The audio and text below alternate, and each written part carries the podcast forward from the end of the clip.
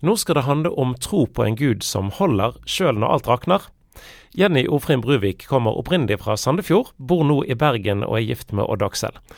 Hun jobber i organisasjonen Tro og Medier og i Pinsekirken Tabernakelet.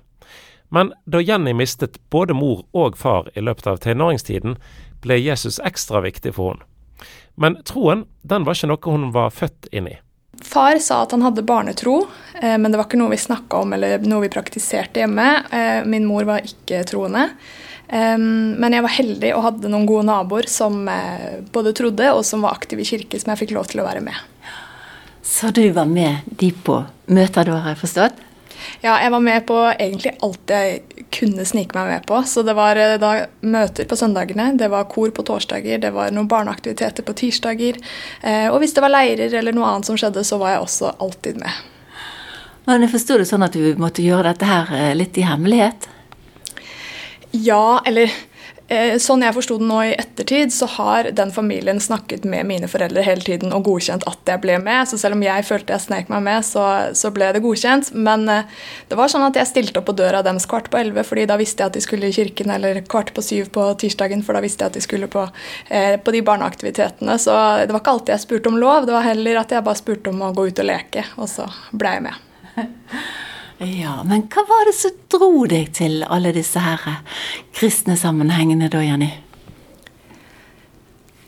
Jeg tror, eller jeg vet ikke om jeg hadde noe sånn veldig bevisst forhold til det akkurat da, men eh, det var jo det at det var gøye ting. Det var masse mennesker, snille folk i kirken, både barn og voksne, egentlig. Jeg husker det veldig godt at eh, jeg satte like mye pris på de voksne lederne som var der, som de andre barna. Um, og så var det jo aktiviteter som jeg var veldig glad i, som f.eks. å synge. da, så Det å kunne synge i kor uh, ukentlig, f.eks., eller være på dans på tirsdager, uh, det satte jeg veldig pris på. Så det var uh, gøy å få litt aktiviteter i løpet av uka. Så allerede den gangen fikk du et bevisst forhold til Jesus da, som har holdt videre? Ja, jeg vil jo si det, men jeg tok nok ikke noe sånn spesielt valg før jeg begynte på ungdomsskolen. Men det var litt sånn som barnetro. Sant? Det var det man hørte, så det var det man trodde. Um, og så var det først når jeg fikk lov til å begynne på ungdomsmøtene at jeg ble spurt, kanskje, da, og da også valgte å ta et uh, aktivt valg på det. Så det har holdt siden du For nå er du jo oppe i 20-årene? Ja, jeg er 27, så ja, det har absolutt holdt. Um, det har jo vært uh, både oppturer og nedturer siden da, men likevel så har det aldri vært noe tvil på det. Mm. Men uh, har du søsken, Jenny? Ja, jeg har eh, tre halvsøsken, så de er ganske mye eldre enn meg. De er eh, ja, nesten dobbelt så gamle som meg. ja. ja. Men du skulle jo bli utsatt for ganske tøffe ting i forhold til dine foreldre. Kan du fortelle litt hva som skjedde? Ja, eh, da jeg var sånn 13, tror jeg, så ble min mor syk. Hun fikk en type tarmkreft. Um, og da gikk hun på cellegift og ulike behandlinger i ca. et år, før hun da døde um, høsten etter jeg var konfirmant. da.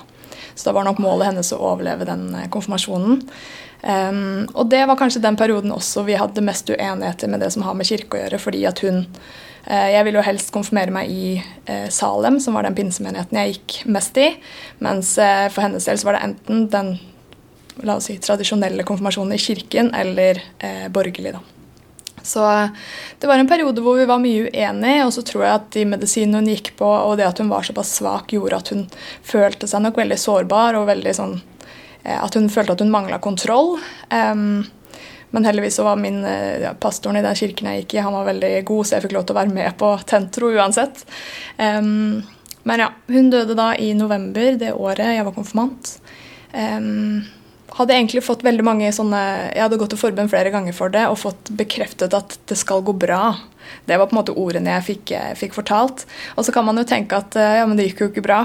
Men samtidig så sitter jeg jo igjen etterpå med en tro som er sterkere enn den var før. Og jeg satt igjen med mange gode samtaler med både ungdommer, men også med faktisk ganske gamle mennesker som eh, mente at etter, den, etter, å ha sett den hendelsen skje for meg, så må de tro at det er noe større. Fordi at de tror ikke det var mulig å håndtere det sånn som jeg håndterte det, hvis ikke det var noe større.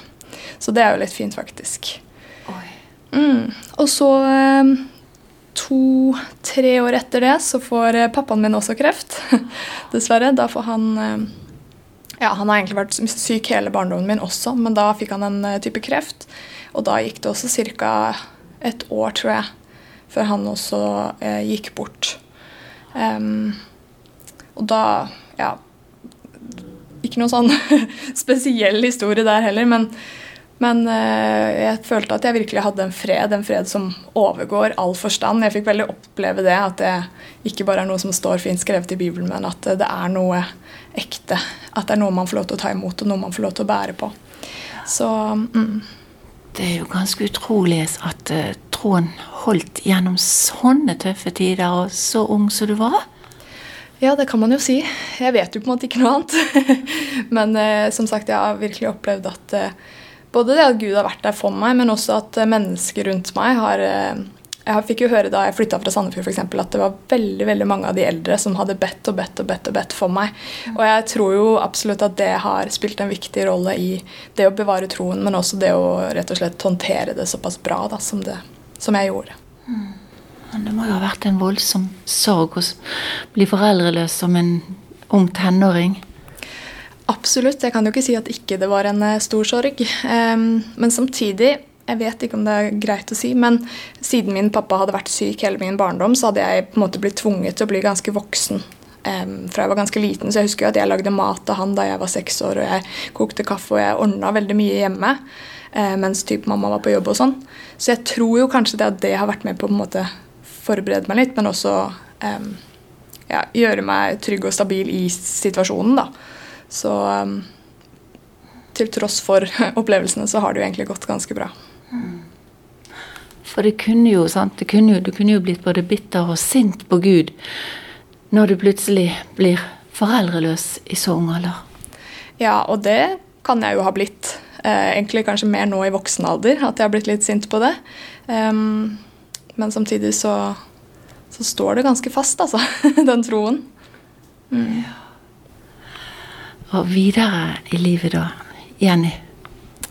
Ja, da var jeg jo 18 ca. da pappa døde, så da var det ett år igjen på videregående i Sandefjord. Um, og etter det så flyttet jeg til Bergen, og da begynte jeg på bibelskole. Da var jeg allerede forlova med min eh, nåværende mann. Um, og nå har jeg da bodd her i åtte år, kjempeaktiv i kirken, jobber til og med litt i kirken nå. Um, veldig glad i å, å være i tjeneste og bygge kirke for, spesielt for neste generasjon, kanskje. Eh, for jeg vet hvor viktig det var for meg. Hadde ikke jeg hatt kirken og de møtepunktene på det tidspunktet, så vet jeg ikke om troen hadde holdt på i like stor grad. Mm. Så mm. Jeg leste i Bergens Tidende at du traff mannen din på en litt spesiell måte?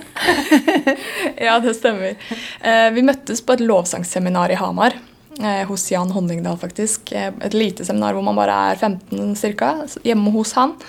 Um, og Der var mitt lovsangsteam fra Sandefjord, og så var han og en kompis uh, av han der. Um, og da, Det som står i BT, er jo litt voldsomt, kanskje, men da vi var ute og sang lovsang på natta i byen, um, og så var, spilte han gitar, og så var han veldig kald på henda, så da varma jeg han på henda, uten at jeg tenkte at det var noe flørting eller noe. Men uh, det ene førte til det andre, og så ble vi bedre kjent, og så ble vi sammen. Mm. Og jeg vet at lovsang og synging og prise Herren, det betyr veldig masse for deg? Det gjør det absolutt. Jeg tror jeg alltid har vært veldig kreativ, alltid likt å gjøre ting. Ikke så sånn teoretisk, liker ikke å lese og, og, og, den type aktivitet. Så jeg tror det å finne en måte der man kunne være sammen med Gud på uten å eh, ja, bare lese eller bare sitte og høre på noen, var veldig viktig. så jeg var jo som sagt med i kor fra jeg var ganske liten i kirken, men også i åttende klasse så begynte jeg også i lovsangstime i kirken. Og da Ja, det elska jeg virkelig. Det var skikkelig gøy, og jeg har fått vokse så utrolig mye på det.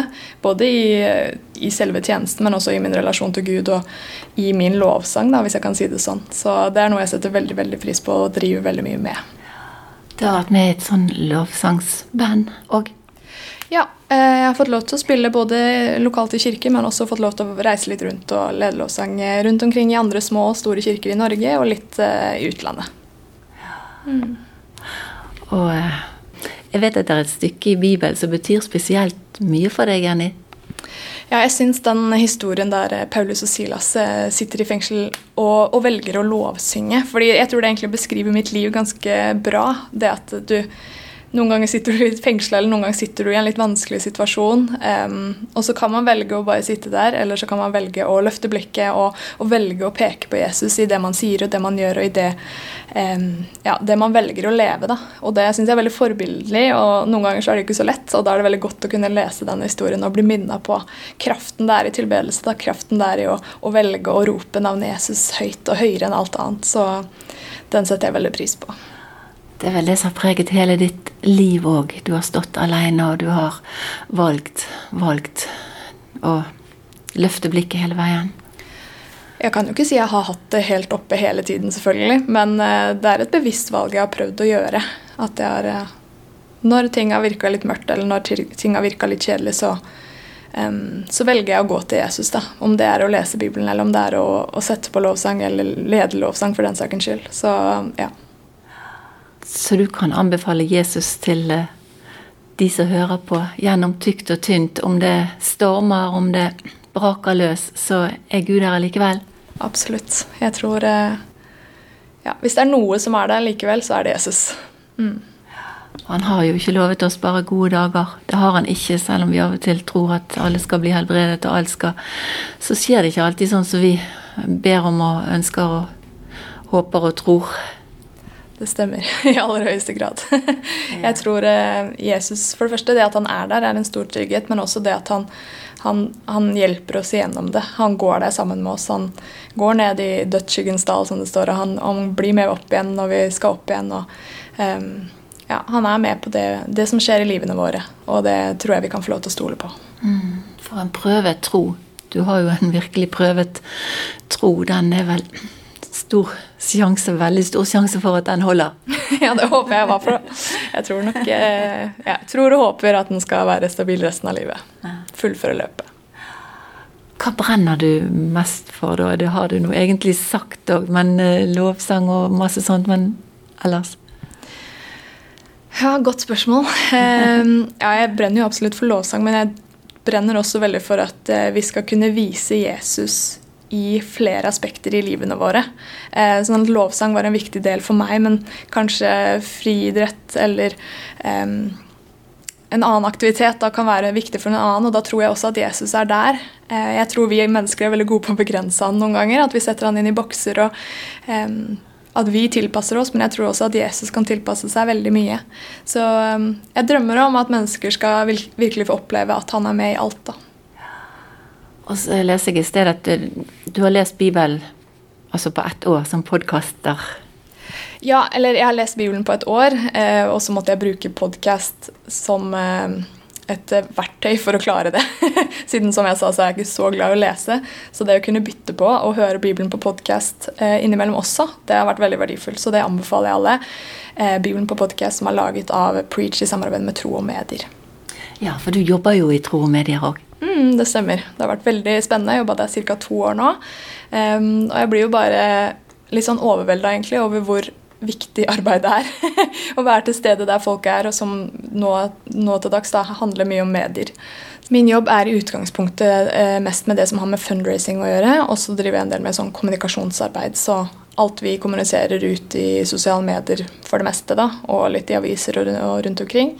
Um, så vi, vi, drives jo egentlig bare av frivillige gaver, så det er viktig at vi har eh, givere som, eh, som, er med i arbeidet, og som støtter inn. Men eh, for, for vi lever jo i en tid med veldig, veldig mye avkristning og sånt. Hvordan opplever, opplever, dere det? Ja, Det er et godt spørsmål. Um, man opplever jo alltid at det blir flere og færre i kirken. Det går litt sånn i bølgedaler. Nå har vi jo hatt en veldig rar situasjon sant, med korona og, og, det som førte med der, som gjorde at uh, de som var aktive, plutselig ikke var så aktive, for det var ikke noe å være aktiv i. Um, men jeg opplever likevel en sånn hunger da, etter noe mer. Jeg tror det at folk har behov for at de skal vite at det er noe mer enn det de ser, fordi det vi ser her, er for lite. vi kan ikke liksom forstå at det er nok. da. Um, så jeg opplever likevel at uh, det kommer nye til. Um, og så opplever jeg kanskje at vi må bli bedre på å få oss uh, bekjentskap og vennskap utenfor kirken, for det er veldig lett at vi blir inne i en sånn boble. um, for det, jeg tror nok den aller aller beste evangeliseringen eller måten å fortelle mennesker om Jesus på, er i relasjoner. Trygge og gode relasjoner og vennskap. så jeg håper både for min del, jeg har veldig få ikke-kristne venner, dessverre, um, men også for andres del, at vi kan bli kjent på tvers. Eh, og, og, virkelig vise med livene vi lever, da, at vi lever for noe større som mennesker kan få bli en del av. Så det nytter, selv i denne medieverden vi lever i, der alle er opptatt av mobiler. Så, så Jesus kan få plass allikevel. Ja, det tror jeg virkelig på. Um, og det med at mediene tar en så stor del av hverdagen vår, det er noe vi på en måte bare må finne oss litt i. fordi jeg tror dessverre, eller dessverre, kanskje heldigvis, at vi kommer nok ikke til å gå tilbake. Det kan godt hende vi blir bedre på å sette rammer for oss selv, det håper jeg jo. Men samtidig så tror jeg det er en plattform vi må hold, forholde oss til, og som vi må klare å tilpasse, og som vi må knekke en kode på hvordan vi skal virkelig nå inn til mennesker på en ekte og genuin måte. For det er jo det som kanskje er litt problemet når det blir på mediene, at det blir såpass distansert at det er vanskelig å se det ekte i det. Ja, for det kan jo lett bli tidstyver òg. 100% Det er jo absolutt et stort problem. Og det at man eh, Det er så utrolig mye input hele tiden, så det er veldig viktig at vi finner en eh, Eller klarer å lage oss noen filtre som gjør at eh, vi ikke tar inn over oss alt, men at vi siler ut det som ikke er godt for oss, og så tar vi inn det som er bra. Hvordan skal vi klare det? Bønn er absolutt viktig. Vi I Tro Medier så har vi f.eks. bønnebrev hver mandag hvor vi ber konkret for mediene. Um, men så tror jeg også det at vi er nødt til å snakke om det. Vi må, vi må utdanne hverandre på hva som er bra og ikke. For man blir liksom blind noen ganger. så Man ser så mye. Sant? Det blir tidstyver, og vi sitter og scroller og scroller. Og scroller, eh, og så er det til slutt vanskelig å skille hva som er bra og ikke. Så vi må absolutt snakke om det. Men en annen ting som vi også jobber mye med, er jo det å lage godt innhold. Lage god eh, ikke nødvendigvis bare kristen, men gode verdier, gjøre gode ting i mediene. Um, og det håper jeg at vi kristne kan bli bedre på. At vi må, istedenfor å bare sitte og klage, som det dessverre er lett at vi gjør, så at vi blir med i prosessen av å skape ting for sosiale medier, for TV, for radio, for alt. Mm. Men jeg tror at vi kristne er nødt til å, å bli med på laget. At vi må stille opp der vi kan. Har du en god idé, gå i gang med det. Sett i gang. Er det en Instagram-konto med oppmuntrende ord, eller er det en eh, TV-serie eller en YouTube-serie? Sett i gang med det. Og så eh, tror jeg vi kan påvirke mediene med mye godt, da. Og så tror jeg, ja, jeg tror at Gud er like mye til stede der som han er eh, alle andre steder. Mm. Jeg har tro på at eh, Jesus han, eh, han, kan både, han er med oss, men han kan også gi oss nye tanker. Han kan eh, gjøre nye ting i livene våre, og han kan gjøre nye ting i mediene. Så bli med på det. Det er veldig lett å sette seg passiv og vente på at noe skal skje, men jeg tror hvis vi bare sveiver i gang hjula litt og hopper i det, så tror jeg Jesus gjør mye spennende. Du har hørt en podkast fra Petro. Du finner masse mer i vårt podkastarkiv på petro.no.